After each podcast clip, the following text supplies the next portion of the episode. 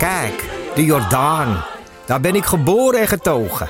De nieuwe Nederlandse musical Onze Jordaan van Diederik Ebbingen is dit najaar in de theaters te zien. Koop nu uw kaarten op onzejordaan.nl.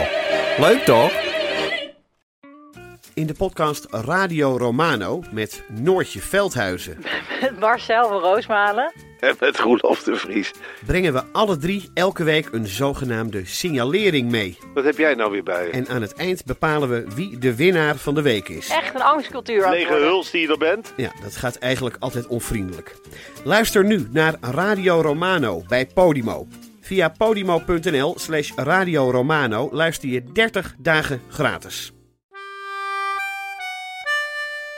Welkom bij de speciale selectie 4.2. Eh, dit zijn verhalen van de serie Lockdown die ik vorig jaar maakte tijdens de eerste lockdown van 12 maart tot en met 1 juni 2020.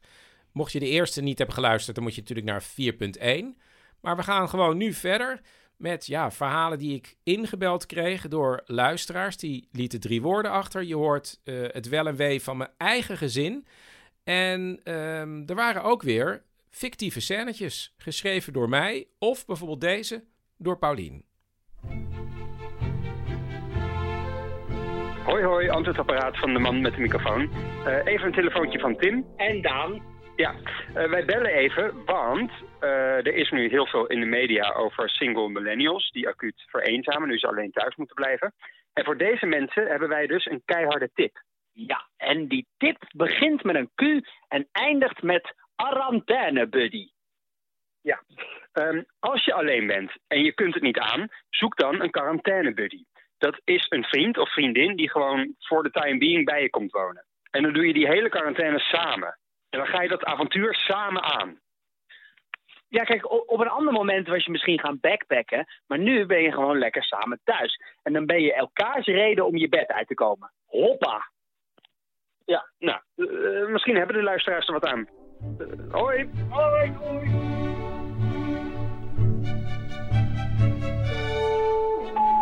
Hoi, man met de microfoon. Even een update van quarantainebuddies Daan en Tim. Eh, alles gaat lekker hier. Gewoon zijn gangetje, toch Daan? Ja! Ja, ehm, lekker een beetje chillen, samen eten. Het enige weirde is dat je elkaar heel erg moet vertrouwen. Hè? Dat de ander niet afspreekt met iemand buitenshuis. Want dan krijg je alles van die derde persoon hier eigenlijk ook gewoon binnen. Ik had mijn handen gewassen, dat zei ik toch? En ik heb misschien tien minuten met Erik staan praten, op straat. Ja, maar het gaat dus niet om de tijd, het gaat om afstand, Daan. Je moet op afstand blijven. En dan kan je wat mij betreft anderhalf uur met Erik praten. Maar goed, als iedereen gewoon de volle 20 seconden zijn handen wast, dan zou het goed moeten gaan. Oké, hoi.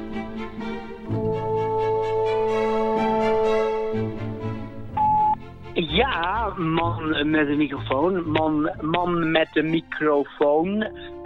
Luister, Tim is dus boos op mij, want hij heeft al uren in de keuken gestaan en ondertussen had ik de wijn al op. Mm, En nu is hij boos. Dus eh, ja, eh quarantaine buddies. Verhaal met vele kanten, zeg ik dan. ben je nou, ben je nou die Postman aan het inspreken? Misschien. Nou, nou, Oké, ja. ehm, hallo met Tim. Ik sta nog steeds heel erg achter het concept van quarantainebuddies. Maar ik heb wel nog even een kleine toevoeging. Namelijk, als je een quarantainebuddy zoekt, zoek dan iemand die niet continu buiten moet praten met Erik. Terwijl dat iemand is die het concept afstand niet begrijpt. En kies ook iemand die de deur dicht doet als hij gaat poepen. En kies iemand die de smaak van goed eten kan waarderen als je uren in de keuken staat. Voor, voor mij is een bord warm eten al genoeg, zeg ik altijd maar. Oh ja, oké. Ja, en, en, ook iemand die niet de hele tijd zeg ik altijd maar zegt. Daar moeten de luisteraars maar even over nadenken. Wie jouw quarantainebuddy zou mogen zijn. Ja, zou mogen zijn. Ja, oké. nou ja, ik, ik ga mijn noise cancelling koptelefoon pakken. Eh, ja, oké. nou, dag allemaal. Dag. Keep the distance. Nee, kusjes vandaan. nee, dus niet kusjes. Oké. eh, da- hartelijke zwaai allemaal. Dag. Doei.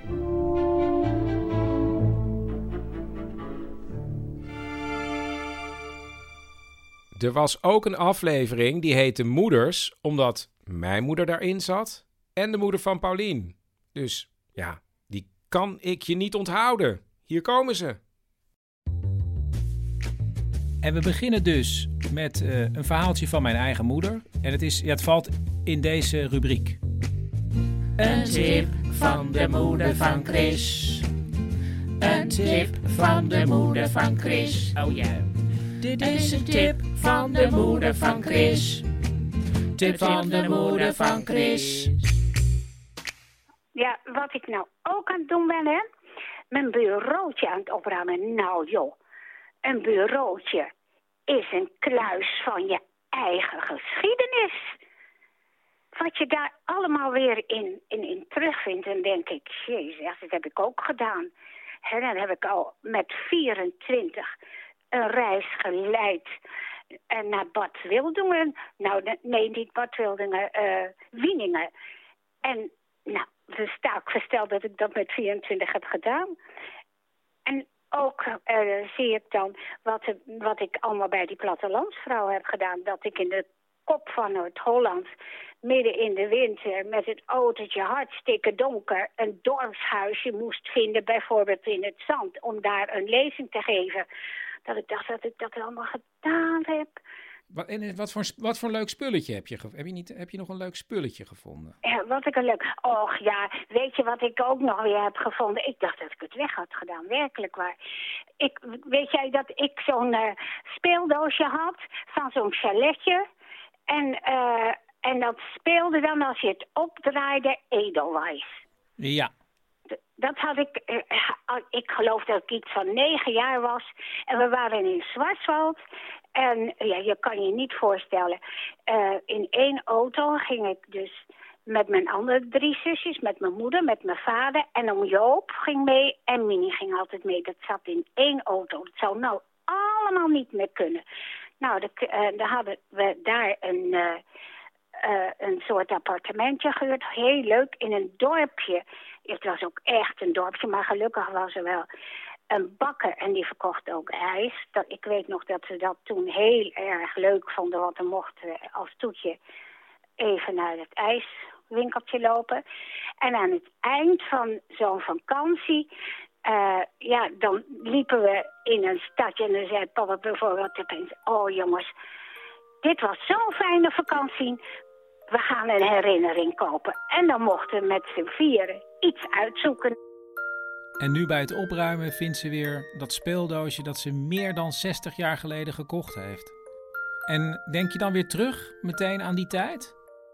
Ja, dan gaan die herinneringen naar boven. Met al die spullen? Ja, en dat bedoel ik van, oh ja, dat is een kluis met allemaal je eigen geschiedenis.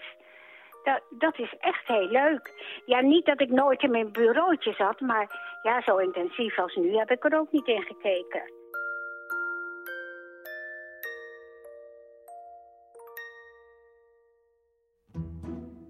Tot zover mijn moeder. En dan nu dus de moeder van Paulien. Ze heet Martien. En die leest iedere ochtend via de iPad een verhaal voor uit de serie Paddington aan Wiek. Volgens mij hebben ze al acht boeken gehad. En ze zijn inmiddels volgens mij ook overgestapt op een ander boek. Wiplala, dacht ik. En uh, ja, daar gaat dit nu niet over, want ik luisterde gisteren de voicemail van mijn programma af. En wie stond daarop? Hallo Chris, dit is Martien. Mijn drie woorden zijn de Parijse Salon d'Automobile, 1977, parkeergarage. En toen dacht ik, ik ben eigenlijk wel benieuwd naar dat verhaal. Dus, ik heb Martien gebeld.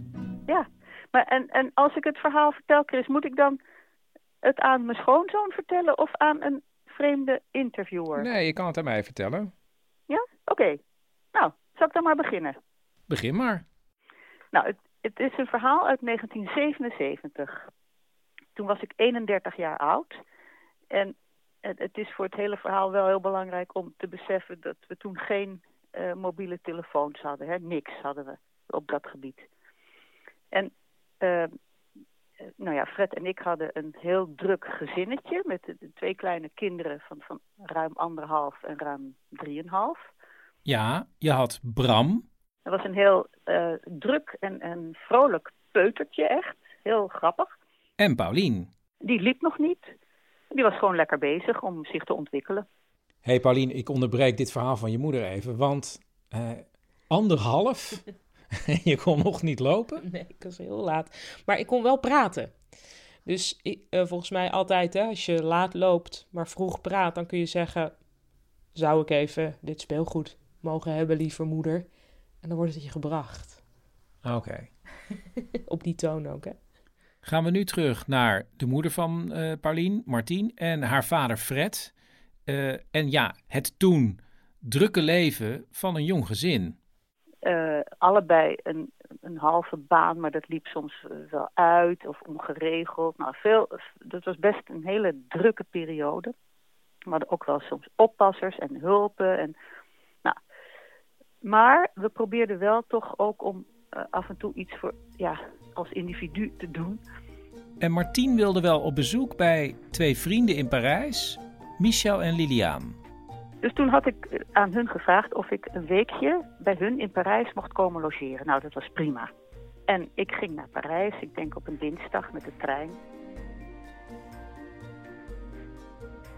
Toen uh, ja, kwam ik daar aan en Michel had half vagelijk iets gezegd dat hij me zou komen halen, maar ik zag hem niet op het perron.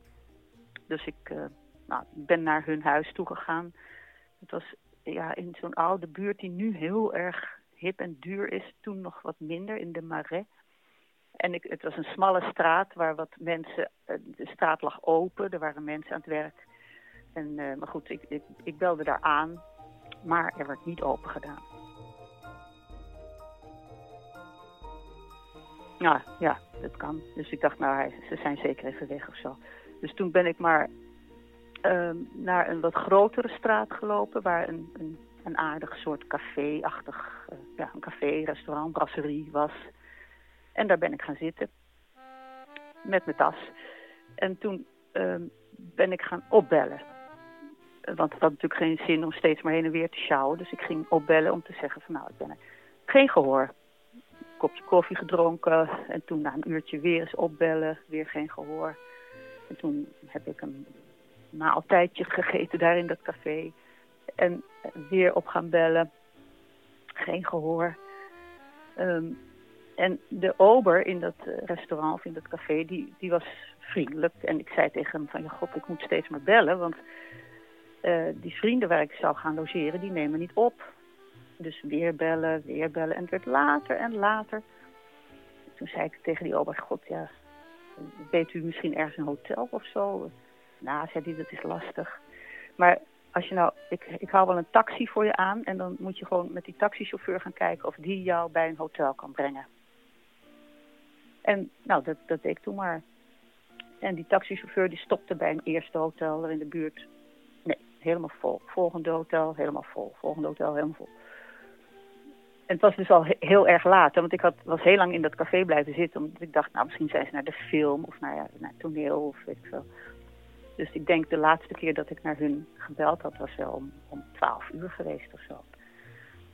En toen, al die hotels waren vol. En toen zei die man, ja, weet u wat het is? Het is de Salon de l'Automobile.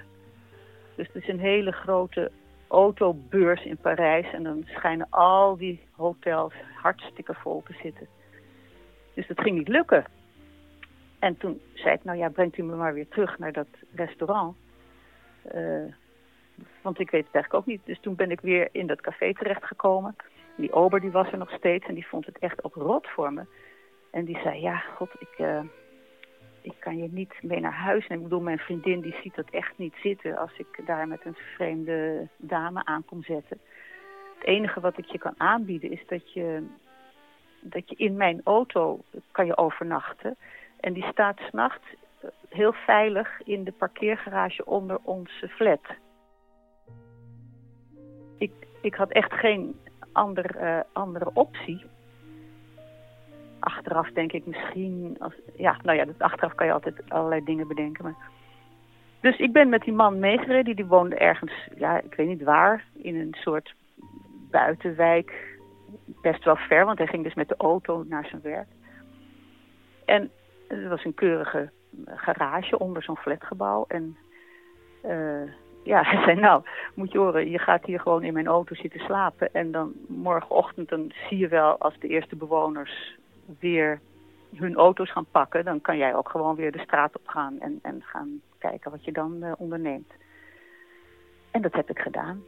En toen heb ik daar de hele nacht, nou ja, ik denk van, van 1 tot 6 of zo, in, in die auto gezeten. En het was wel heel vreemd hoor, Chris, want die, hele onderneming van als uh, uh, hippe jonge vrouw zelfstandig naar Parijs gaan, weet je, dat klinkt toch echt heel flitsend. En dan vind je jezelf terug in een, in een auto, in een parkeergarage. Dat, dat, dat was wel. Ik, ik kon er eigenlijk toen wel meteen ook al de rare, het rare van inzien. Ik was niet bang of zo. Ik dacht, nou ja, dit is echt bizar. Maar ik sliep natuurlijk niet echt lekker. Maar toen hoorde ik uh, om een uur of zes de eerste lawaai van, van mensen. En toen ben ik ook uh, ja, omzichtig uit die auto gestapt. Want ik wilde niet gezien worden dat mensen dachten, huh, wat is dit nou? In de auto van de buurman, een vrouw die daar uh, ligt te slapen. Maar ik ben de, op straat gekomen en dat was ja, een beetje een onduidelijk soort wijk. En toen zag ik wel een soort pensionnetje en ik was hartstikke moe. Dus toen ben ik bij dat pensionnetje gaan vragen... Van, kan ik hier misschien even een paar uurtjes slapen... totdat ik naar mijn volgende afspraak kan? Nou, dat kon. En toen heeft ze een paar uur geslapen... en is weer opgefrist vertrokken. En toen ben ik weer naar dat huis van Michel en Lilian gegaan. En ik heb aangebeld en deden ze open. Ha, ben je er? God, we dachten dat je gisteren zou komen. Maar ja, Michel is nog naar het station gegaan. Maar... Dus ik heb me, waar waren jullie dan? Nou, wij waren gewoon thuis. En wat bleek nou? Door de werkzaamheden op straat was zowel de telefoonlijn als de elektriciteit van de bel, die waren daardoor buiten werking gesteld. En het is niet dat Martina een of andere detective-schrijfster is of zo, maar het viel me wel op dat ze dit element expres in de verhaal had verwerkt toen ze het vertelde. En ik, het was een smalle straat waar wat mensen, de straat lag open, er waren mensen aan het werk. Een heel terloopse aanwijzing. Maar goed, ze was nu weer terug bij de Franse vrienden. Nou ja, toen kwam ik bij hun en ze waren hartstikke aardig. En toen mocht ik lekker in hun bed nog weer uh, extra gaan uitslapen. Ze had een heel groot bed met een soort zijden lakens. Dat was heerlijk. En toen heb ik, uh, nou, vijf echt hartstikke mooie dagen gehad in Parijs. En ik ben nog naar dat café natuurlijk teruggegaan om die man te bedanken, maar die had geen dienst. Dus toen heb ik een doosje sigaren, want ik had dat gezien in zijn auto, dat hij sigaartjes rookte. Heb ik een doosje sigaren achtergelaten met een briefje. En ik wist niet hoe die heette, maar nou ja, ik hoop maar dat dat uh, nog uh, terecht is gekomen. Martien heeft nog een paar fantastische dagen in Parijs gehad en is toen weer met de trein teruggereden. En toen kwam Fred, die, Fred kwam mij afhalen van het perron, op het perron, op het Centraal Station. Met de twee kindjes, Bram en Paulien. En wat toen gebeurde was echt heel erg ongelooflijk prachtig. Dat hij zakte, Fred zakte een beetje door zijn knieën en hij gaf Pauline een duwtje. En Pauline die liep op mij af. Dat waren haar eerste stapjes, had ze die week geleerd. Want tot die tijd, toen ik wegging, kon ze nog niet lopen. En toen ik terugkwam, toen liep ze zo op me af.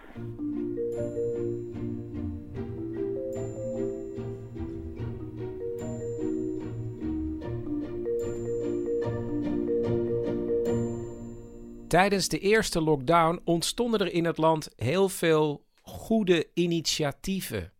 En Bert had ook een goed initiatief. Of nou ja, wel meerdere.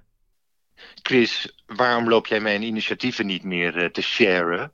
Ja, nou, ik heb het heel erg druk. Uh, en ik krijg heel veel mails, hè? Met allemaal initiatieven van allemaal mensen. Ja, ik loop over, Chris, van de goede geiten. Maar ik heb geen miljoenen publiek zoals jij om het zomaar mee te kunnen delen. Ja, miljoenen. Eh, maar Bert, op zich, het is heel goed. Je zit vol energie en je hebt gewoon ideeën. Dat is heel goed. Ja, heel veel ideeën.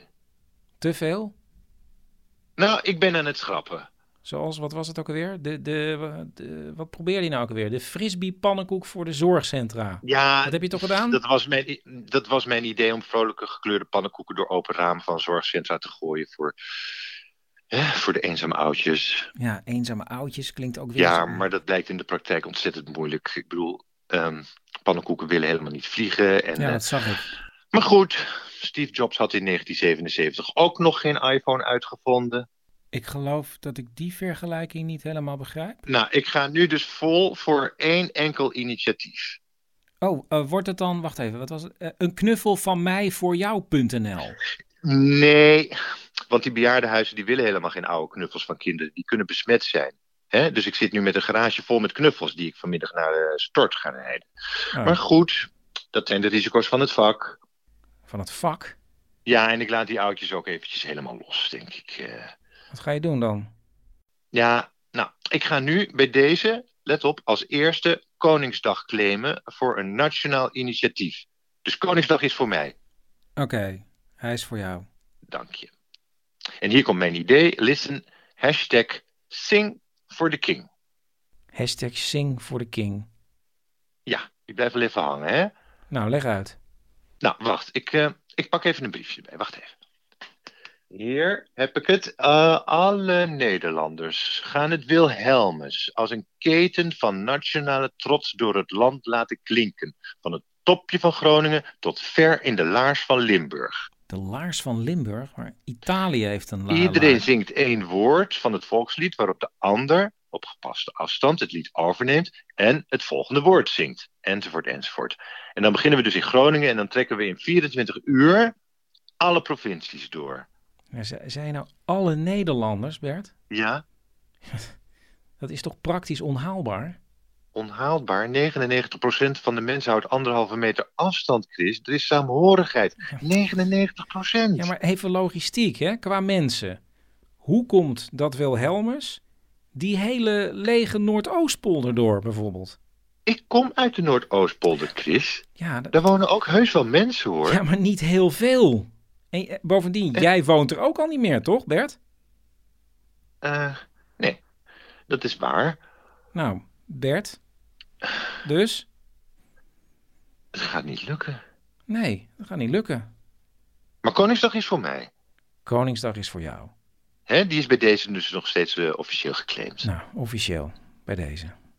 En misschien wordt het gewoon iets met, eh met oranje koek en saamhorigheid. Weet je wel, bakkers blijven ook altijd open. Je kunnen Bert. ehm, cupcakes maken via Bert. Skype, weet Bert. ik veel. Bert. Ja? Ik krijg een wisselgesprek binnen. Oh, die moet je opnemen. Kan heel belangrijk zijn. Succes. Gaat lukken.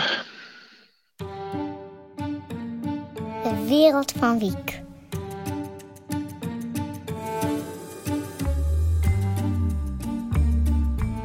Wiek.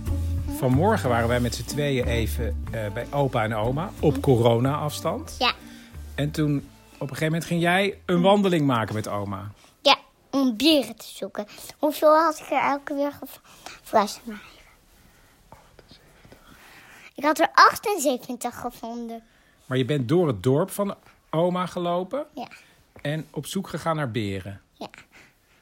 En waar waren die beren dan? Nou, eh, in huizen achter het raam. En hoe ging dat dan? Jij liep met oma en oma had iets bij zich? Een briefje waar, waar we op kunnen schrijven hoeveel het waren. En elke keer als jullie een beer achter de ramen zagen, Dan zeg ik, kijk daar is een buur. Of kijk daar is een. Maar soms zaten er wel vijf achter, of zes of zeven. En zelfs, een jongetje had zelfs 90 achter de ramen. 90 beren. Ja, Je had een hele verzameling. ja. Ehm, nou, dat was dus een ontzettend leuke wandeling. Ja. Dankjewel, Wiek.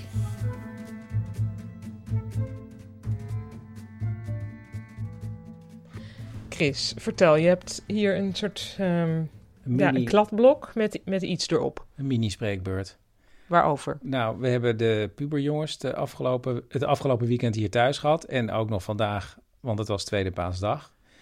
En ehm, ze hebben eigenlijk hier poëzie gebracht in huis. Dat moet voor jou als afgestudeerd Neerlandicus heel mooi zijn. Heel mooi. Want ik moest denken aan het tijdschrift Bar Barber, eind jaren 50. Onder andere opgericht door Bernlef en eh, K. Schippers. En die eh, zagen poëzie in het alledaagse. Een boodschappenlijstje werd poëzie. En nou heb ik eigenlijk een nieuwe stroming bedacht. eh, namelijk rabarber. een soort, ja, re-barber, maar dan rabarber. Eh, en dat gaat dan... Wat is rebarber? Nou, opnieuw bar barber, dacht ik. En dan Oh, een soort... Ja, maar- barbarber, maar wordt rabar- rabarber. Oké, tuurlijk. Nou, ehm, Je zit in de flow. ja, nou ja, en dat werden readymates genoemd. En ik dacht, dan is dit een auditieve readymade. Want ik heb opnames gemaakt van eh, Joep en Teun... terwijl ze met elkaar aan het praten zijn. En eh, dat levert ja, poëzie op. Nou ging het bij Barbarber om het alledaagse, maar dit is voor mij niet alledaags. Maar ik wil wel graag dit poëziestukje even voorlezen. Dan lees ik eerst de poëzie voor en daarna hoor je het echte geluidsfragment. De Tech 9 is gebufft. Deagle is jumpshots. De jumpshots van Deagles zijn echt, je kan zeg maar op E, kan je nu consistently die dumpshot raken, denk ik. En het is echt heel erg, heel erg accurate. Wil je het En dan gaan we nu eh? Ja. luisteren naar het origineel. De Tech 9 is gebufft. De Deagle is jump 9 shots. De jump shots van Deagles zijn echt... Je kan zeg maar op E kan je nu consistently die jump shot raken, denk ik. Want het is echt heel erg, heel erg accurate. Ja, dit is, dit is inderdaad een game changer. Binnen de wereld van de poëzie. Ja, jij en ik, wij begrijpen hier natuurlijk helemaal niks van. Echt helemaal niks. Misschien sommige jongere luisteraars juist wel. Ehm, maar we hadden het dit weekend ook over dat omgekeerd is er natuurlijk ook iets aan de hand dat jij ook weer, eh, dat zij ook niet weer alles van jou begrijpen of zo. Vanwege weer jouw achtergrond die weer anders is Ja, dan ja. hoe zij zijn opgegroeid. Absoluut. Kun je even in het kort iets vertellen over uit wat voor... Nou, ik aarzel om het woord milieu te noemen, maar ik noem het wel... Uit wat voor milieu kom je nou eigenlijk? Nou, we noemen het eh, ja, licht christelijk milieu. CDA-achtig. Mijn vader is streng gereformeerd opgevoed en mijn, mijn moeder hervormd. Maar mijn moeder was, zeg maar zeggen, een tijd lang... Ja, probeerde ze ja, het blije christelijke in, in huis eh, te brengen. We hebben elkaar bijvoorbeeld ook handen gegeven bij het bidden na het eten en zo. Ze was op zoek naar Na andere... het eten? Of voor het eten. Nou, Oh. Ze was op zoek naar andere vormen. Iets, iets wat weg van de strenge religie, maar wel vriendelijk, ja, vriendelijk religieus. En we hadden ook... En heel erg, eh, hoe noem je dat, inclusief, hè? Van iedereen mag Ja. erbij, totaal, zeg Ja. maar, het heel erg onver, onbevooroordeelde christendom, zou ja, ik zeggen. Precies. Ja, en, we, en een onderdeel daarvan was ook eh, platen met eh, vrolijke christelijke liederen van kinderkoren. En die schieten bij mij heel vaak naar boven. Nou, sowieso, heel veel, jij zingt heel veel. Via jou heb ik bijvoorbeeld ook, dat is dan niet blij christelijk per se, maar dat is van wat de toekomst brengen mogen mij geleid des Heren hand. Moedig sla ik tussen de ogen naar het onbekende land. Ook echt een coronanummer wat mij betreft. Maar Eh, dat ja, had ik dus nog nooit van gehoord. Maar omdat jij dat zo vaak zingt, terwijl je Ja. bent nu echt totaal niet meer in de kerk, maar de kerk zit toch wel in, In jou. mij, ja. En eh, dit weekend hadden we Pasen een, een beetje gevierd door, door gewoon te lunchen op corona-afstand bij mijn ouders. En toen was ik ook weer een In de nummer, tuin. Een nummer, ja, een nummer aan het zingen. En dat heb jij toen opgezocht op Spotify eh, en afgedraaid terwijl ik het zong in de auto. En dat heeft Joep dan min of meer stiekem opgenomen. Ja, en het grappige is dus dat jij stiekem zit op te nemen hoe zij over games praten. En Ja. vervolgens zit hij op te nemen van wat on earth is mijn vader nu, Nu aan, aan het zingen. ja, en naar dat gezang gaan we nu even luisteren, toch? Ja, klein fragmentje. Hier zijn de treden te zien van Gods stroom. Wie hier omhoog klimt vanuit het gedruis, ontwaart de contouren van het vaderlijk huis. Ja, en dat was toch, ja, was toch saamhorig, hè, in de Ja. auto. Ja. Toch dankzij. Nou ja, Eh, goed. Zes dagen nadat Bert. Ik ben trouwens heel erg verkouden, maar dit is dus geen corona, zal ik ook even tussendoor zeggen. Dus we zitten nu in 2021 december. Het is geen corona. Oké, maar ik was aan het zeggen. Zes dagen nadat Bert met zijn Koningsdag-idee kwam, hing hij weer aan de lijn. Bert. Chris, ik ben woedend. Woedend? Wacht, ik pak er even een briefje bij, want anders word ik te emotioneel. Wacht even. Te emotioneel, Bert. Wat heb ik op 3 april hier in de uitzending gezegd? Ehm, oh, was dat dat initiatief van jou? Ja, hashtag Sing for the King. Oh ja, ja. Je wilde met alle Nederlanders het Wilhelmus als een soort slinger van saamhorigheid door het land laten trekken, toch? Saamhorigheid, ja. Iedereen zou één woord zingen waarop de ander op gepaste afstand het lied zou overnemen en het volgende woord zou zingen. Enzovoort, Ja. enzovoort. Ja, en dat was eigenlijk logistiek onmogelijk vanwege de lege Noordoostpolder, toch? Onder andere. Ja, oké, maar wat heb ik toen meteen gezegd? Ik, eh, dat je met een nieuw initiatief zou komen? Nee, Chris. Ik heb toen gezegd dat Koningsdag van mij is. Hè? Ik heb dat geclaimd. Dat staat op band. Ja, nou, op band. Ja, en jij zei dat het officieel was. Heb ik dat gezegd? Ik heb het nog even teruggeluisterd en opgeschreven. En ik zei letterlijk, maar Koningsdag is voor mij. Toen zei jij, Koningsdag is voor jou. En toen zei ik weer, die is dus bij, nee, die is dus bij Ja. deze officieel geclaimd. En toen zei jij weer, wacht even, Ja. nou officieel bij deze. Ja, maar Bert, ik kan toch niet ja, officieel... En wat lees ik dan vandaag in het Algemeen Dagblad, Chris? Ja, weet niet, is er weer een initiatief? Ja, dat het hier Koninklijk Concertgebouw oproept om op Koningsdag gezamenlijk het Wilhelmus te zingen en zelfs het woord saamhorigheid hebben ze gejat. Nou ja, Bert, ja, zoiets hangt misschien ook wel in de lucht, toch? In de lucht? Ik ga ze helemaal kapot procederen. Nou ja, Bert, ik weet niet of dat mogelijk is. Ja, nee, ja ook qua geld en het alles. mogelijk is, weet Ja. jij wel hoe boos ik ben? Nee. Nee, en nu staat er ook helemaal niks meer op mijn briefje, Chris. Ik heb mezelf namelijk helemaal niet meer in de hand. Bert? Ja, en ik ga nu ophangen. En ik ga iets van het balkon afgooien. Iets heel groots. Bert? Goedemorgen, Chris, met eh, Frans Douw. Dit is dus Frans Douw. Hij is nu gepensioneerd, maar hij heeft zijn hele leven met delinquenten gewerkt. En hij liet op de voicemail deze drie woorden achter. 1983, eh, gevangenis, gijzeling. En toen ik hem opbelde, vroeg ik hem allereerst hoe hij ja, qua werk in de gevangenis terecht was gekomen. Nou, ik, ik, ik was gewoon iemand die eh, eh, met een sociaal hart die, die de wereld wilde verbeteren. Er was zoveel verdriet in de wereld. Geweld en allemaal dat soort dingen. Dus ik ben eerst eh, op mijn twintigste met jeugd gaan werken, met jeugddelinquenten. Toen na vijf jaar, eh Pieter Baansender was het instituut in Nederland als het ging om eh, met mensen werken. Hè? Dat is een enorm kenniscentrum, ook internationaal. Toen, eh, toen heb ik die stap gezet. Maar mijn drive is altijd geweest om, om datgene wat stuk was, zeg maar. Om dingen te herstellen. Ja, om in ieder geval te, te bevorderen dat dingen zich kunnen herstellen. Zeg maar, hè? Als, er, eh, als het echt misgegaan is en er is sprake van een delict en van geweld en van slachtoffers en, en dat soort dingen. Ja, ik heb altijd, eh, ik wil daar graag iets aan bijdragen. Ja. Nu weten we iets van de achtergrond van Frans. En dan kunnen we nu naar het verhaal. En dat speelde zich af in het Pieter Baan Centrum.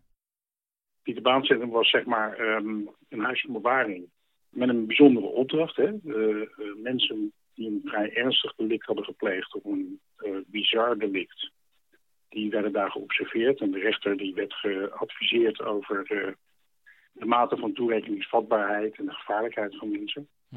En ik werkte daar als eh, groepsleider toen. En wat je je moet voorstellen is dat eh het Pieter Baan Centrum was een redelijk modern gebouw. met een etage waar twee afdelingen waren. Ieder met acht cellen. En eh, die twee afdelingen waren, hadden een open verbinding via de gang, maar ze waren wel ook apart, zeg maar. En ehm, ik had daar gewoon dienst. En smiddags kwamen twee gedetineerden van de A bij mij op de B-buurten. En die vroegen, goh, eh, wat voor auto rij je eigenlijk? En allemaal dat soort dingen. Nou ja, ik heb zelf geen auto, dat vertelde ik ook. En ik zei, jongens, jullie hebben hier niets te zoeken. Ga weer terug naar je eigen afdeling. En s s'avonds heb ik dus dienst met een vrouwelijke collega, met z'n tweeën. En eh, zij zat in de woonkamer en ik was eh, aan de tafel tennissen. Met eh observandi of gedetineerden, of hoe je ze ook noemen wil. En ehm, toen ging de telefoon in de cockpit. En de cockpit, dat is zeg maar een ruimte met kogelvrij glas. Waar een soort personeelsvertrek. En daar neem je dus ook de telefoon op. En ik nam de telefoon op en eh, werd hard in mijn oor geschreeuwd. Dit is een gijzeling. We hebben het personeel en de andere gedetineerden hadden ze opgesloten. En als je alarm maakt, dan eh, vermoorden we iemand. kom naar de deur. En ik realiseerde me dus dat uh, een gedetineerde van de andere afdeling zich toegang had verschaft tot de cockpit. Daar. Frans gaat uit zijn eigen cockpit en ziet dan dat er mensen van de andere afdeling zijn kant op komen lopen. En het eerste wat ik zag was de zwangere onderwijzeres met een arm uh, met een mes rond haar keel. En een man achter haar die haar uh, meesleurde. En een andere man die een uh, groepsleidster op dezelfde manier beet had. Ik herkende de, de, de, de, mannen die dus middags gevraagd hadden naar die auto. En een van de twee wist ik ook wat meer van. Dat was een man die, die heette S van zijn achternaam. Hij was in het Pieterbaancentrum omdat hij zijn stiefvader had doodgeschoten. Dus, um, nou ja, iemand die ik als heel gevaarlijk beoordeelde, zeg maar. En uh, nou ja, ik probeerde nog met zijn gesprek te komen, maar uh, het was meteen van ik snijder goor, stot open en uh, nu iedereen opsluiten. Frans besluit om te doen wat de mannen zeggen. Ik ben toen de afdeling opgegaan, heb tegen mijn collega verteld wat er aan de hand was. En ik tegen de gedetineerden van er is een calamiteit, iedereen naar zijn cel. Dus ik ben heel snel gaan insluiten. Maar mijn collega die bevroor. Ik uh, kan haar nog steeds uh, voor me halen hoe ze naast het biljart staat. Bevroren, zeg maar. Ze bleef als een standbeeld blijven staan. Nou, ik heb toen heel snel ingesloten. En uh, S kwam met die onderwijzeres een paar meter de afdeling op en zij was aan het huilen. Uh, ik heb een kindje en ik ben in verwachting en het kindje is onschuldig. En um, nou, hou je bek was het, en uh, dat soort teksten naar haar toe. Wat is dat? riep hij ook nog naar mijn collega. Ik zeg, ze kan niet bewegen, laat hem maar staan, zei ik tegen hem. En toen zei hij van, roep een lift voor ons. Met een speciaal sleuteltje dat Frans bij zich draagt, kan hij de intercom naast de lift bedienen. En hij roept een lift op, die komt naar boven. En als de gijzelnemers en gijzelaars dan in de lift zouden gaan staan, dan nemen ze contact op met de portier, want die bedient dan de lift en kan die naar beneden roepen. Vervolgens uh, zijn die twee mannen, zeg maar, schreeuwend, achterwaarts lopend naar die lift die aan het eind van de gang was gelopen terwijl ze die dames hardhandig met zich meesleurden. Ze lopen de lift in en dan gaan de liftdeuren dicht. Uh, en ik dacht van als er beneden problemen ontstaan bij de portier, want daar zitten bewaarders die ze dan naar, naar, buiten moeten laten, en ze doen dat niet, dan schat ik echt in dat het verkeerd af gaat lopen. Dus toen ben ik terug naar de cockpit gerend, heb ik de portier gebeld, dat ze ze door moesten laten. En um, bedacht vervolgens van misschien moet ik wel bemiddelen. Dus toen ben ik niet via de lift, maar via het noodtrappenhuis naar beneden gerend. En op de eerste etage hoorde ik ineens stemmen, uh, heel dichtbij. En toen bleek dus dat de lift te vroeg gestopt was. Ze hadden hem te vroeg laten stoppen. En de gijzelnemers waren met hun gijzelaars uitgestapt. En toen um, uh, heeft het echt een haar gescheeld. Ik was midden in die gijzeling gevallen, zeg maar, vanaf de trap. Dus ik kon me nog net met de rug tegen de muur gooien. Het viertal gaat terug de lift in en naar beneden. Waarschijnlijk had de portier in alle angst gewoon op een foute knop gedrukt. En eenmaal beneden gaan de gijzelnemers en gijzelaars weg in de auto van de onderwijzeres. Ja, toen ben ik naar boven gelopen. Toen heb ik de collega's bevrijd van de verschillende afdelingen was ook nog wel wat, want een van de uh, mensen was ingesloten met een psychotische jongen die helemaal in paniek was. Dus die had daar gedurende de hele gijzeling liggen vechten met die uh, gedetineerden. En um, nou ja, mijn collega, die, uh, die bevroren was, die, die voelde zich verschrikkelijk schuldig. Die was in een soort shock. Die was enorm aan het huilen, kan ik me herinneren.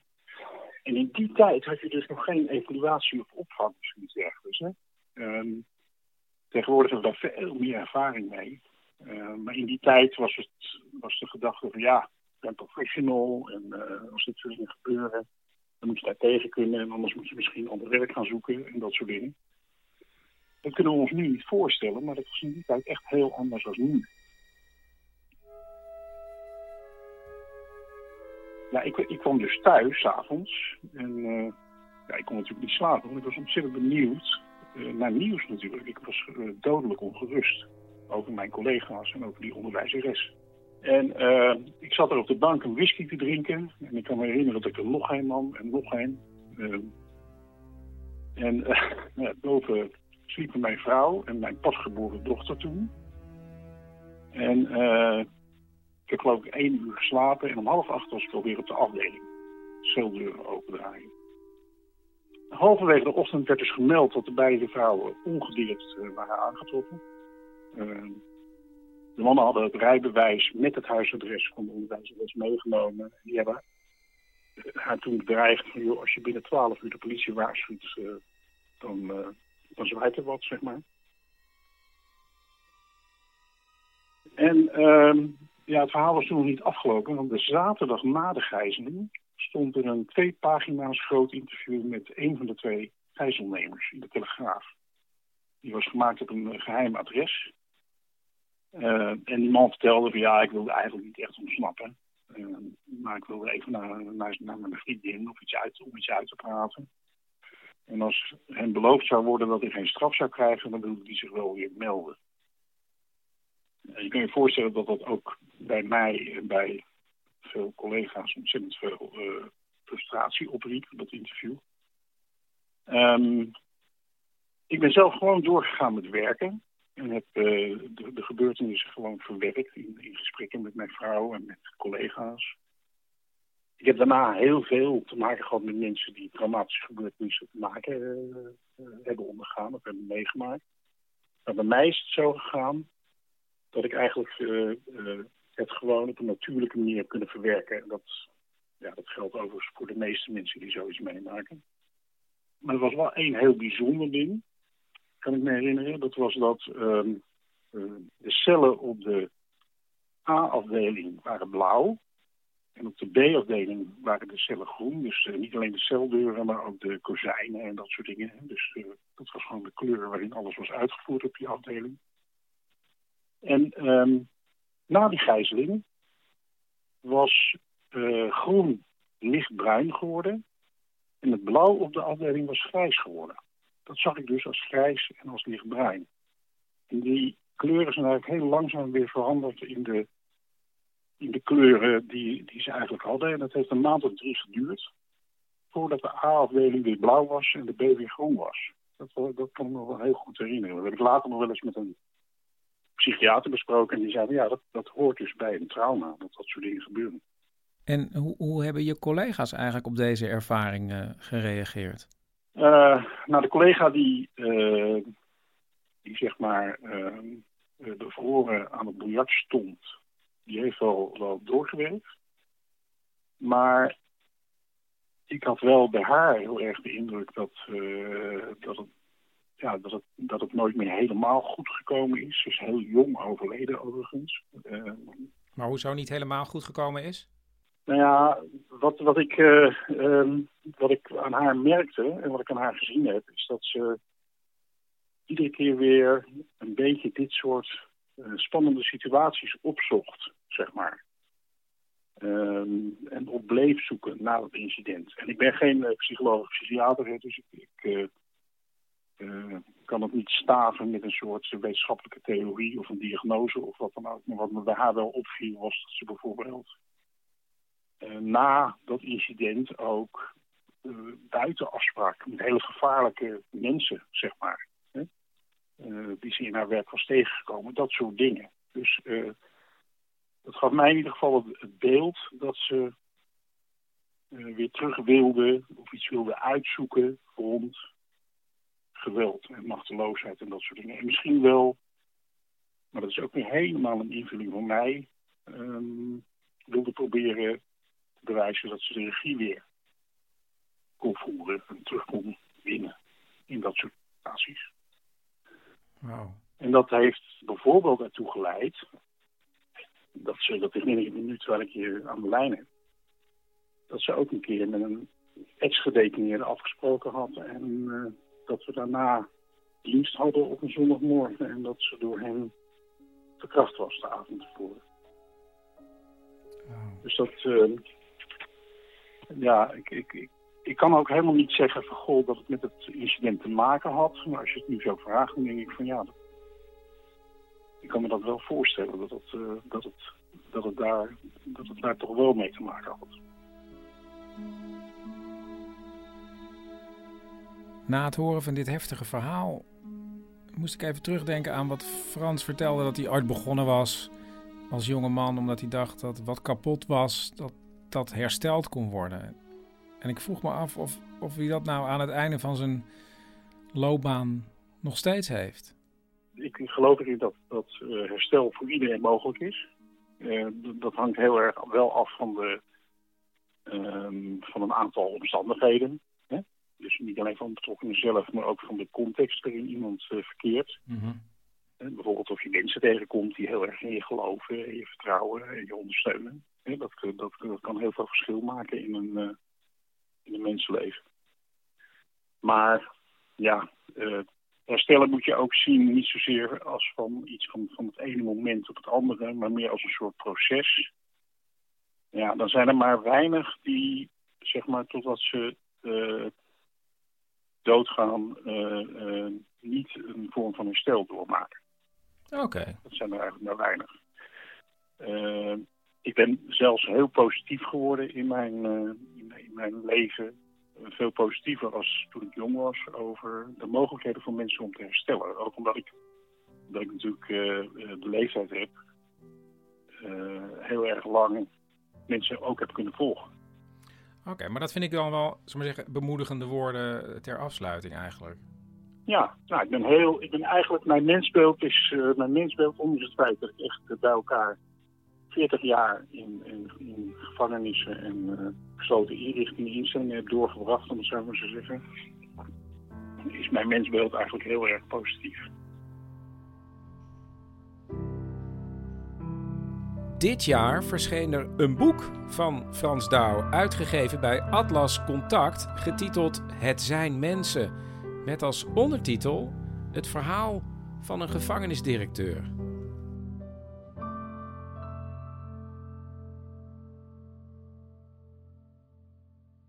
Hallo, Mevrouw Kabel? spreekt u mee? Ja, u spreekt met de man met de microfoon. Ah, meneer Paaijema. Ja, u had gemaild. Ja, over fruitfiguratie. Ja, fruitfiguratie. dat moet u echt even uitleggen. Nou, ja, ik zag dat het op tv ging eh, om mensen met een appel- of peervormig lichaam. Oh, ja, ja, ja. En de risico's die bepaalde lichaamsfiguren met zich meebrengen. Ja, Ja, ja, ja, precies dat, ja. En toen ben ik even, eh, nou ja, eh, compleet man nu nakend voor de spiegel gaan staan. En, en weet u wat ik daar zag? N- Nou ja, nee, dat weet ik niet. Nou, denk, wat denkt u? Wat denkt u? Ja, nee, weet ik echt niet. Ja, een, iets, iets peerachtigs? Ik zag een mango. Eh, Een mango. Ja, een hele grote, rijpe mango. Eh, niks, geen appel of peer.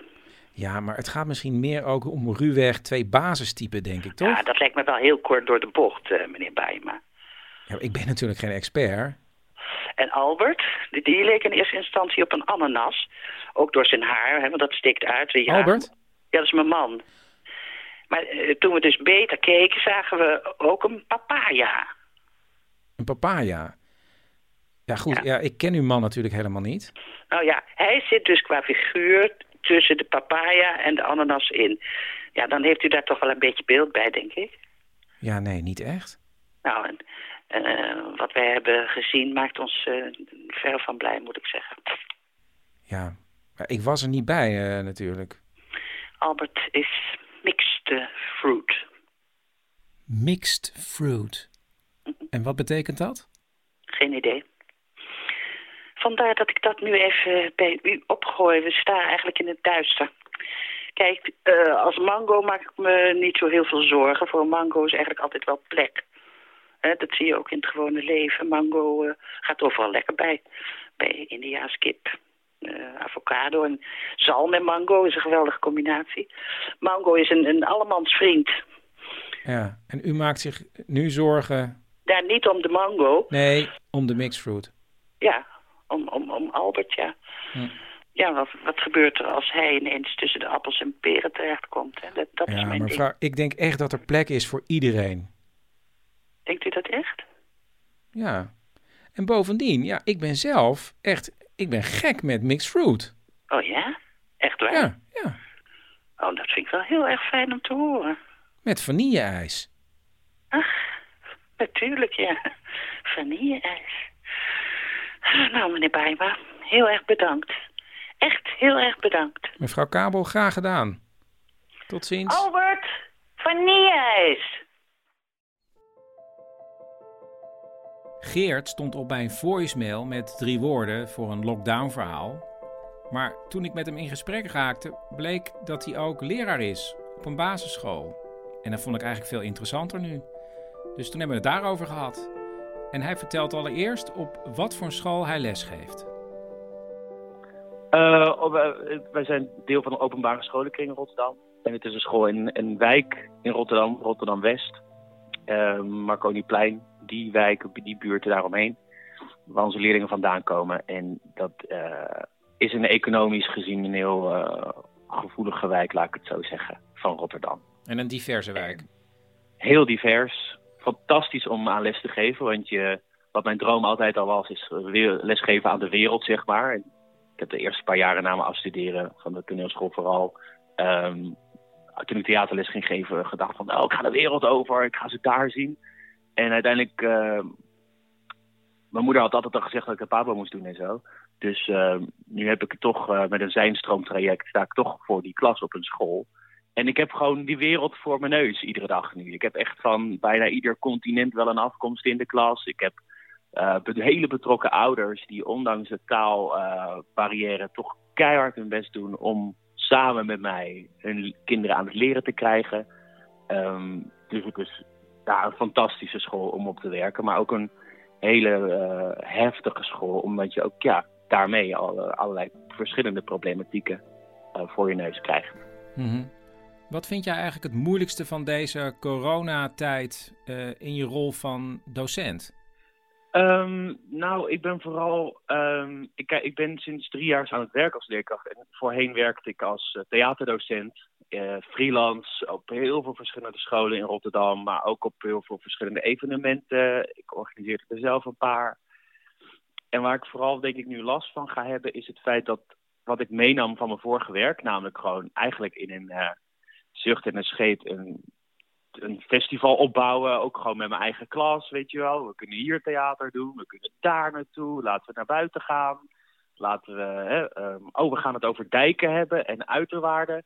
Onze school is vlakbij een dijk, kom, we gaan naar buiten.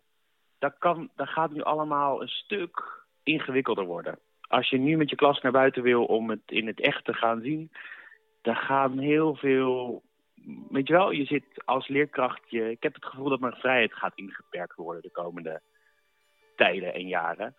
En ehm, ik ken ook veel andere leerkrachten die het anders willen doen, die creatief denken, die onderwijs willen innoveren. Ja. En ik, ja, ik zie, daar zie ik persoonlijk het meest tegen op. En het gaat natuurlijk ook heel veel voor jouw eh, leerlingen betekenen, die nieuwe maatschappij.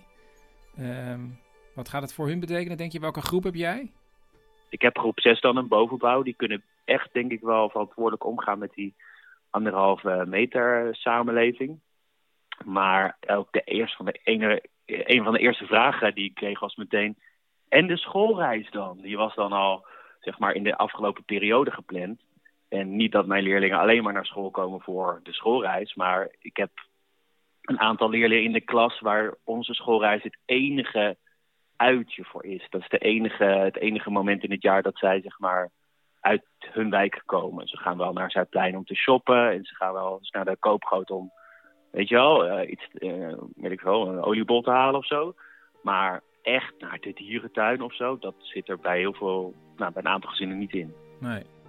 En is er eigenlijk nog iets veranderd eh, in jouw rol met eh, de ouders bijvoorbeeld tijdens eh, deze weken? Nou ja, communicatie. De communicatie tussen, tussen de oudere leerkracht die normaal vlot loopt, omdat je op het schoolplein even, hè, even ja, aantikt. Zeg, hé, hey, eh, dat gaat voor mij niet helemaal goed. Ik heb niet het idee dat ze bezig is met het voorbereiden van een boekbespreking. Eh, en dan die kouder die je aankijkt van boekbespreking, boekbespreking. Eh, ik weet helemaal van niks. Je dan tackle je heel veel dingen. Nu ben ik naar, bijvoorbeeld in de eerste week, na tien dagen kwam ik pas achter dat, er, dat zij al hun mailcontacten naar een totaal verkeerd e-mailadres aan het sturen waren. Eh, waardoor wij dachten dat zij gewoon radiostilte waren. Waren ze gewoon kwijt, weet je wel. Zoals dat in het nieuws ook verscheen van, er zijn zoveel gezinnen kwijt. Eh, komt vaak ook gewoon door slecht contact en dat je niet weet waar ze zijn. Ja. Eh, en dan blijkt er een verkeerd adres of een eh, oud adres in te staan. Dan is een paar deuren verderop verhuisd. En dan vraag je ook af, heeft dat adres dan ooit geklopt? En hoe is dat de afgelopen jaren gegaan? Je zit in groep 6. Wat heb je dan allemaal gemist aan post? Ehm, zelfs zover tot ik uiteindelijk met behulp van een wijkagent toch wel weer contact heb gekregen. Waarvan die leerling natuurlijk helemaal eh, achter in een sokker stond te, te trillen van oh, wijkagent. Maar ja, wel gewoon serieus dat het is school, je bent leerplichtig en we, ik moet jou kunnen bereiken en we moeten elkaar kunnen helpen. Ja. En toen heeft die leerling ook gezegd van ja, maar met mijn moeder gaan we daar niet uitkomen. Die, gaan mij, die kan mij al niet helpen, dus dan doen we het samen. En sindsdien heb ik dus gewoon met die leerling contact eh, om haar aan het werk te krijgen. Wauw. Ja, dat is En dat is schrijnend. Het is Ja, maar schrijnend, het- maar het is ook eh, ja, dankbaar werk. zeker wel. Ja, want als ze dan eenmaal na tien dagen vroegen eindelijk dat werk weer wordt ingeleverd en je ziet dat ze online bezig zijn, want je hebt allemaal inzicht, dan eh, dat zijn echt de kippenvelmomentjes dat je denkt, ach, hier doe je het voor. Dat ze gewoon tot leren komen.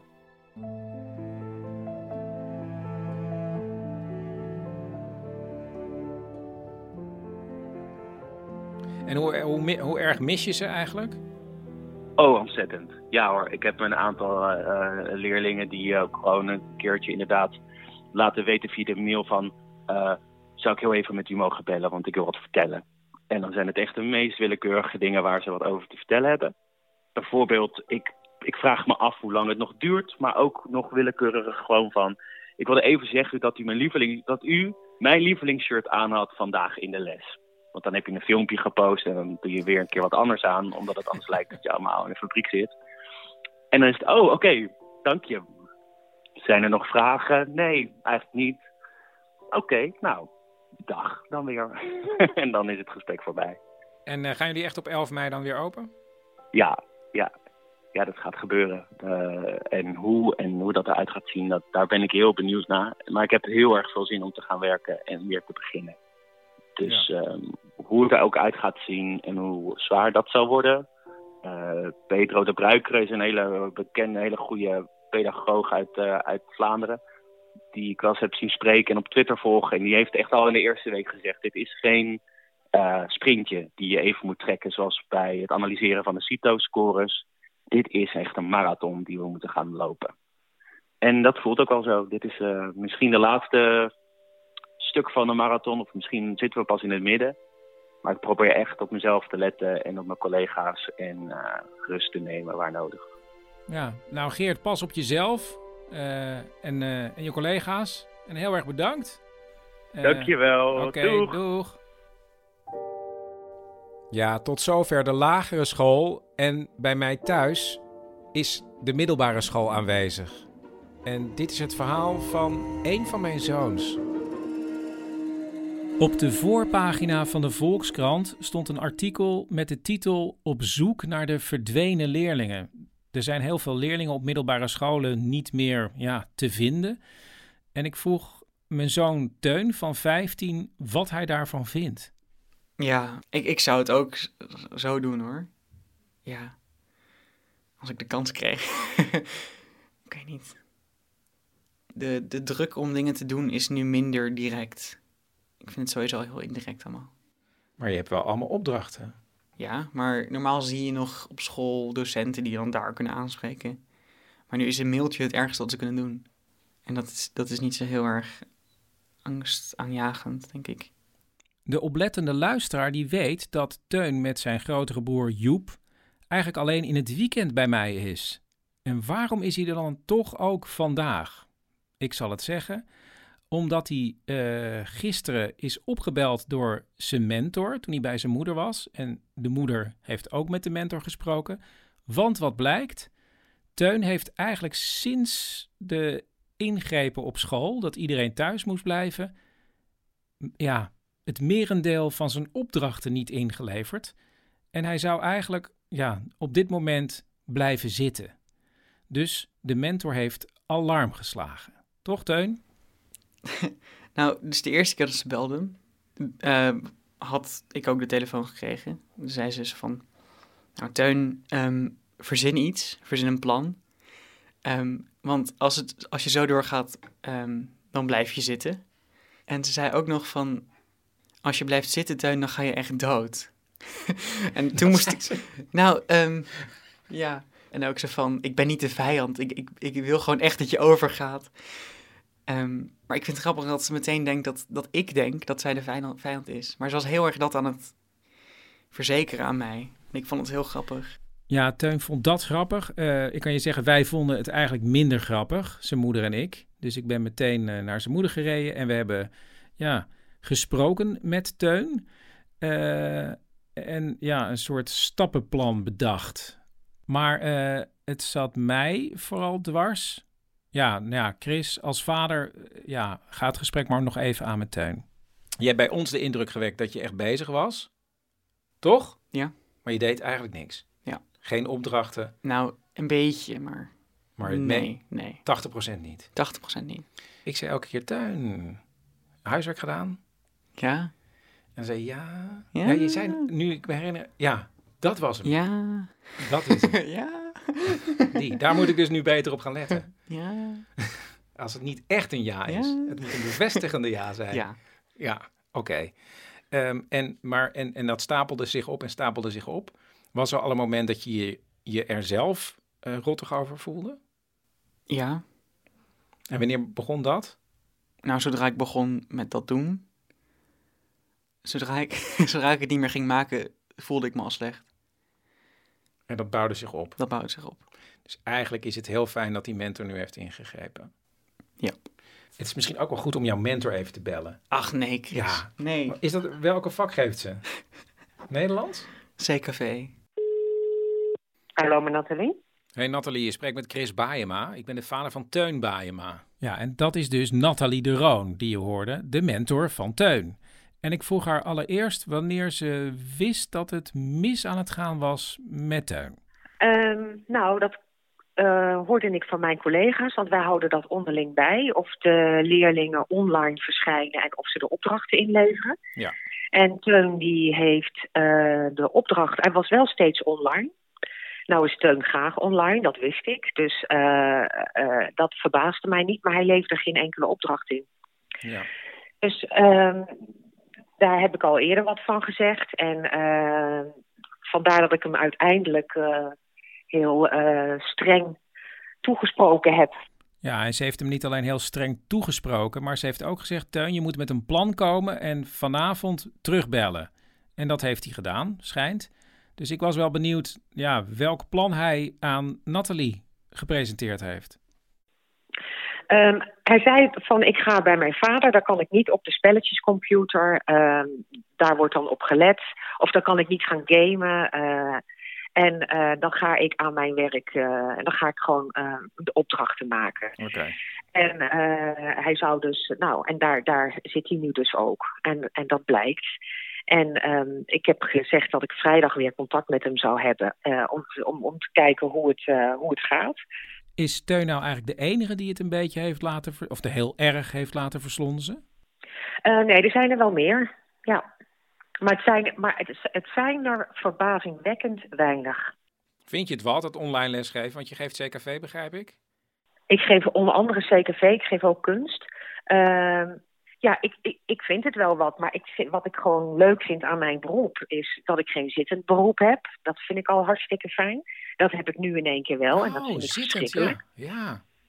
Ja, dus daar heb ik echt aan moeten wennen. Eh, ik heb ook een standaard moeten kopen voor mijn laptop, dat die iets hoger eh, staat. Want ik kreeg echt last. En ik vind gewoon, ja, ik ben docent. Ik vind die pubers vind ik fantastisch. Er is iedere dag gedoe. Er is elke dag wat aan de hand. Ja, En dat heb, ik- heb ik nu gewoon niet meer. Nee, oh, nou, je miste dat, dat- die, die, Ik miste echt, ja. ja. Ik vind het gewoon helemaal niet leuk. Ja, want het zijn totale, het zijn rare wezens, hè? Ik bedoel, ik heb er nu eentje maar nu even in huis, maar het zijn echt, ja, 16 jaar. Nou, het is- het is, wat, ik, wat, ik, wat ik heel leuk aan pubers vind, is, eh, en dat is misschien tegelijkertijd ook het irritante aan ze, ze hebben een enorm rechtvaardigheidsgevoel. Hoe bedoel je dat precies? Ehm, nou ja, dat, dat, dat, dat zij dan denken dat je iemand anders voortrekt, bijvoorbeeld. Of dat er, niet met, of dat er met twee maten gemeten wordt. Of ik krijg een onvoldoende van die docent, want die mag mij niet. Hè? Niemand mag ze. Ja. Dus dat, is, eh, eh, dat zijn allemaal redenen ja, die, je, die je dwingen om de dingen uit te leggen. Om uit te leggen eh, waarom je de dingen zo doet. Ja. Ja. En dat vind, ik, dat vind ik heel goed om daar steeds wakker in te blijven. Want soms hebben ze natuurlijk ook gelijk. Ja. Ehm, nou, wij zullen hier ook thuis eh, heel erg wakker moeten blijven. Maar eh, vooralsnog denk ik dat hij eh, ja, het wel goed gaat oppakken nu, op dit moment.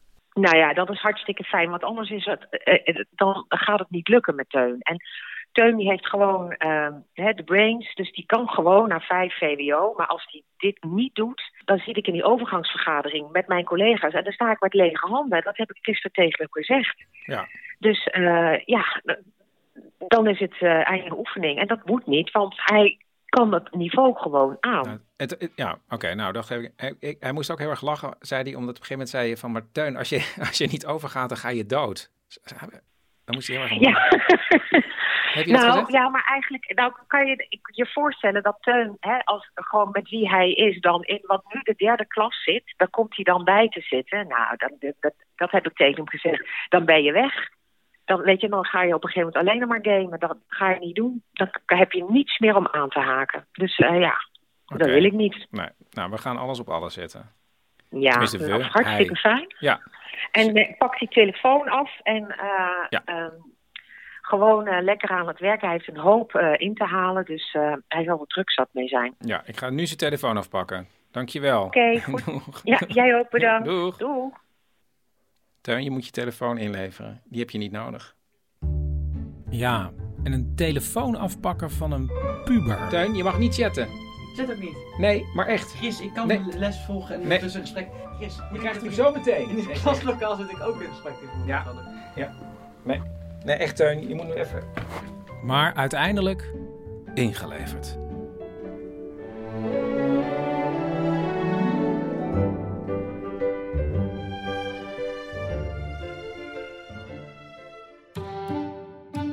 Een beetje van Wiek. Ga maar zitten. Oké, We moeten eerst even zeggen, denk ik, waar we zitten nu. Waar zijn we nu? we zitten op een trapje buiten. Bij de grachten in het Ja. centrum van Amsterdam. Ja. En we waren aan het fietsen en toen zei jij opeens, ik heb een weetje. Ja, je mag zelf bedenken waar het over gaat. Want je kan kiezen tussen onthouden en niet onthouden. Of over nachtmerries en leuke dromen. Ehm, dan kies ik nachtmerries en leuke dromen. Oké, ik ga nu beginnen. Nachtmerries kan ik een beetje beter onthouden. Omdat ze zo eng zijn, kan ik ze beter onthouden dan gewone dromen. Maar het is, ik vind het wel heel jammer. Want dan zit je de hele tijd van die nachtmerries in je hoofd. Ik was een keer twee, toen droomde ik dat jij Gruffalo werd. Weet ik nu nog steeds. Terwijl ik nu wel vijf ben. En hoe ging die nachtmerrie dan precies toen ik een gruffalo werd? Je deed het gordijn dicht, toen werd je een gruffalo. Ik lag in mijn beetje met tranen, dus ik kon niet vluchten. Dat zag ik dan weer wel. Toen riep ik mama, toen kwam ze en toen... En toen was hij afgelopen, dus toen werd ik wakker. En dat is zo'n enge droom geweest dat je hem nog steeds weet. Ja, En heb je toch ook misschien niet nog een keer een hele leuke droom gehad die je nog weet?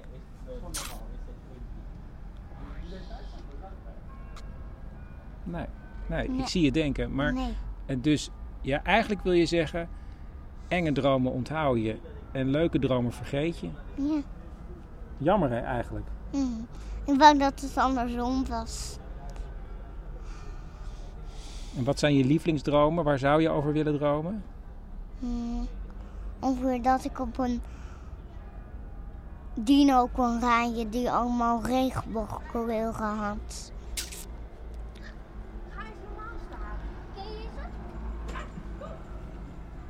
Nou, dankjewel voor je weetje, Wiek. Hm, graag gedaan. En hier ben ik weer, Chris, in 2021. Ik dacht, ik doe toch nog even een coronatest. Dat is 2021, dat je voortdurend denkt, ja, ik ben nou voor nog maar weer een test. Nou, ik heb net een test gedaan en eh, het is weer negatief. Dus ik heb nog steeds geen corona gehad. Gelukkig. Terug naar vorig jaar. Want toen was er heel veel dicht. Alles was dicht. Dus ook de kapper. Jeetje, moeilijk hoor. Hoeveel vingers doet zij? Oh ja, ze doet maar haar tussen twee vingers.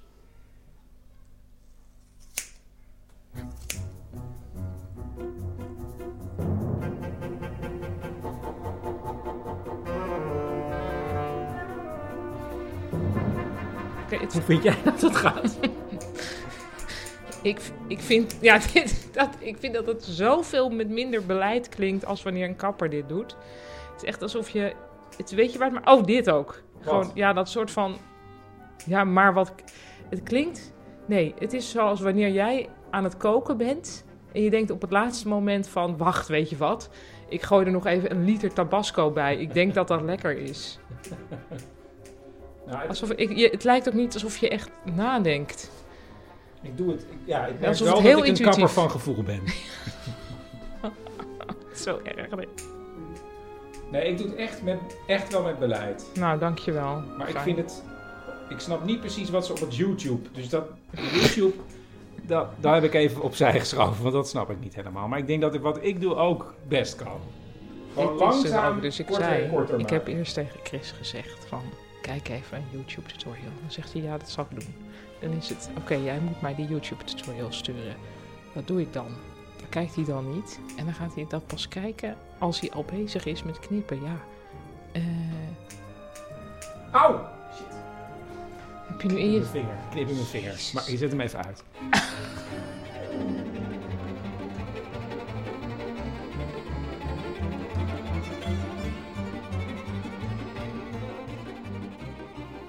Ik ben klaar. Ik vind wat ik er nu van zie best wel goed. Ik moet nog even douchen, nog even stylen, beetje product erin. Maar niet slecht, toch? Ik, het is in ieder geval niet een eclatante ramp. Nee, dankjewel.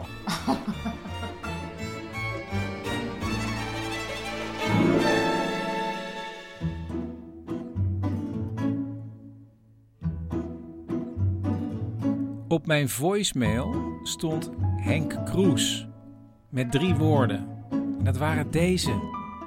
Suriname, binnenlanden, tovenarij. Ja, ik heb natuurlijk gebeld. En dit is zijn verhaal. Oké, ik zal beginnen. In eh, oh, 1976, ik ben van Surinaamse afkomst. Ik heb een eh, Nederlandse vader en een Surinaamse moeder. In 1976 ging ik voor het eerst eh, naar Suriname toe. En toen was ik ongeveer 24 jaar oud. Eh, mijn neef eh, die zou naar Suriname gaan, maar die ging van tevoren eh, een paar weken eerder al naartoe. Ik geloof een week eerder. In ieder geval, ik ga bij mijn oma logeren. Waar mijn neef ook logeerde. En na een paar dagen gaan we een tripje maken naar de binnenlanden van Suriname. Dat is van Zorg en Hoop met een vliegtuig uh, vlogen naar Stoelmans Eiland voor een driedaagse trip. En van daaruit maakten we naar de binnenlanden boottochtjes. Erg leuk allemaal. En uh, spannend in die nieuwe wereld. En ik was met mijn neef en mijn oom, die was uh, piloot bij de luchtvaartmaatschappij SLM. En die vloog op die Twin Otters, dus we konden met hem meevliegen. Wacht even, Twin Otters? Uh, dat is een, uh, een stol, short take-off en landing toestel is dat. Okay. En die kunnen op die landingsbanen in de binnenlanden heel kort uh, landen en heel kort opstijgen. Ja.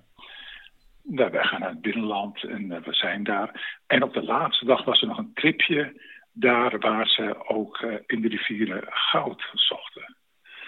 Nou, wij vertrekken die dag met een voedselpakket de boot in op die hete Surinaamse rivier, waar je nogal snel kunt verbranden. En we gaan naar de binnenlanden toe. Maar in ieder geval, we komen bij een dorpje aan en die gingen we bezoeken. En bij dat dorpje uh, heb je dus uh, Surinamers eh, hebben soms ook eh, in het binnenland sterke geloof van bosgeesten en krachten. En eh, je moest onder een soort poortje door waar eh, riet hing. En als je daar onderdoor liep, dan eh, konden de geesten niet met je meelopen. Althans, in mijn herinnering. We gingen naar de kapitein van het dorp, want al die eh, dorpen hebben basja's of kapiteinen. Maar in ieder geval, wij waren in het dorp en eh, die kapitein zei van... Nou, je mag hier gewoon rondlopen, eh, maar maak geen foto's van de mensen. En er zijn bepaalde plekken waar je niet moet komen. Dat werd zo gezegd.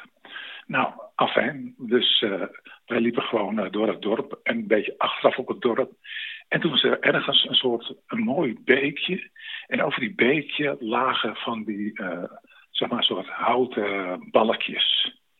En ik zei tegen mijn neef, eh, wil je een foto van me maken? Eh, dan ga ik hier op die balkjes staan. En dan lijkt wel een mooie, mooie shot zo op de achtergrond, dat bos zo met die palmen. Hij zei, ja, dat doe ik voor je. En hij maakte een foto van me. En op het moment dat die foto genomen wordt, breekt zo'n balkje onder mijn voeten en ik val in het water. En terwijl ik in het water val, eh, spoelt mijn bril van mijn neus.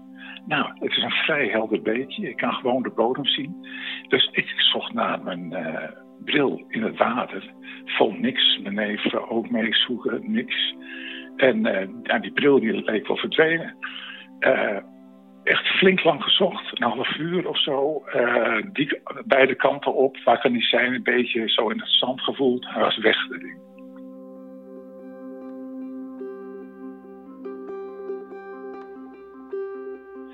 Enfin, einde van de dag die trip eh, gaan we terug naar uh, Stoelmans Eiland. En de volgende dag gaan we met de vliegtuig weer terug naar Paramaribo.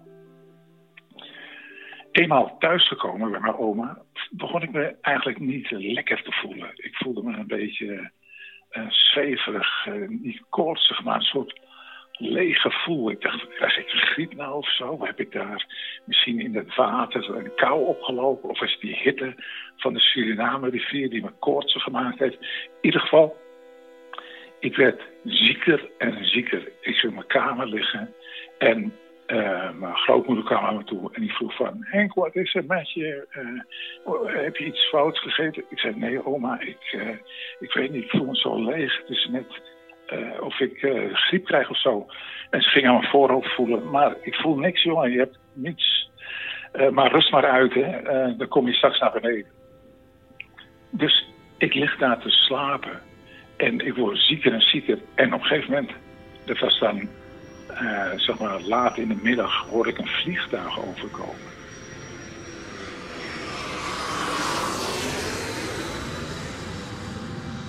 En het leek net alsof die vliegtuig de motorgeronk dat over het huis voorbij trok, of, me, of ik meegezogen werd door die vliegtuig.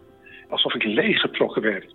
Ik raakte in paniek en ik schreeuwde en mijn oma kwam naar boven. Wat is er? Uh, ze vond het maar uh, raar en we, we, wachten wel de nacht af en anders laat de dokter komen. Maar de volgende dag was ik dus helemaal echt gevloerd. Ik, ik, kon niet meer nadenken, ik was helemaal leeg. Het leek net of ik naar een andere wereld zou gaan die ik niet kende.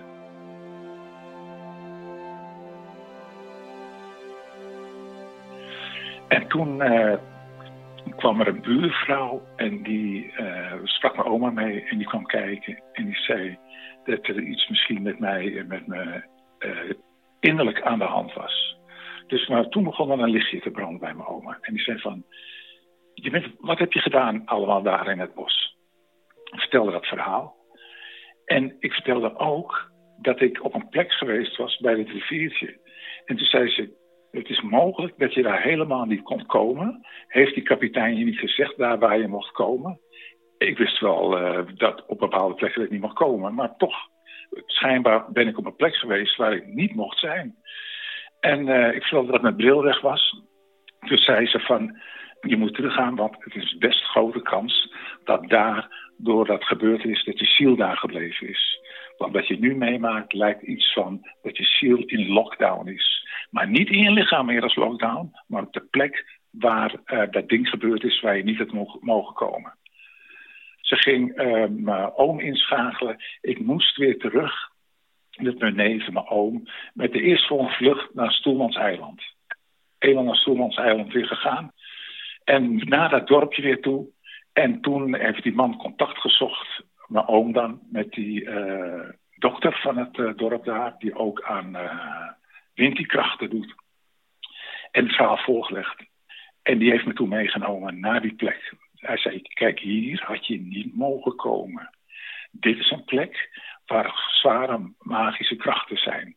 Dus je hebt iets fouts gedaan en daarom hebben ze, uh, zeg maar, die krachten je ziel hier gehouden. En uh, toen ging hij wat doen. Hij ging wat uh, rommelen en ik moest daar staan. Hij deed katoenen, stukjes katoen aan elkaar geknopt om me heen. En die, daar moest ik me uit losbreken, terwijl hij met alcohol bespeelde. Dus dat was bier of jenever, ik weet niet wat. En op dat moment zei hij, kijk, ik heb hier voor jou een witte steen. Zie die bosjes daar nog? Gooi die steen in die bosjes. Zo hard als je kan. En op het moment dat je gegooid hebt, draai je je om. En wat er ook gebeurt, niet omkijken. Want dan ben je echt je ziel kwijt. Dus ik pak die steen en ik gooi hem keihard. En het is maar waar. Op dat moment hoorde ik, terwijl ik me omdraaide, hoorde ik een geluid als... Ah! Een soort... Uh, net of het mijn eigen stem was.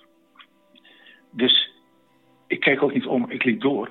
En even later kwam die, uh, uh, de dokter van het dorp, die kwam terug. En hij had mijn bril in zijn hand. En daarna voelde ik me een stuk beter. Maar dat hij die bril had, dat was gewoon voor mij te waanzinnig voor woorden. Ik was helemaal totaal verbijsterd hoe dat kon.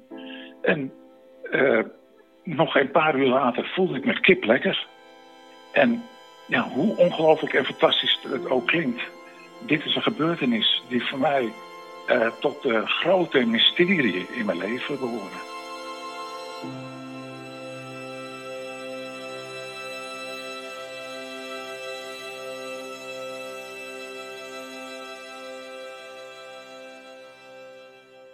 Vanuit de overheid was er een soort open inschrijving voor bedrijven die een goede corona-app zouden kunnen ontwikkelen.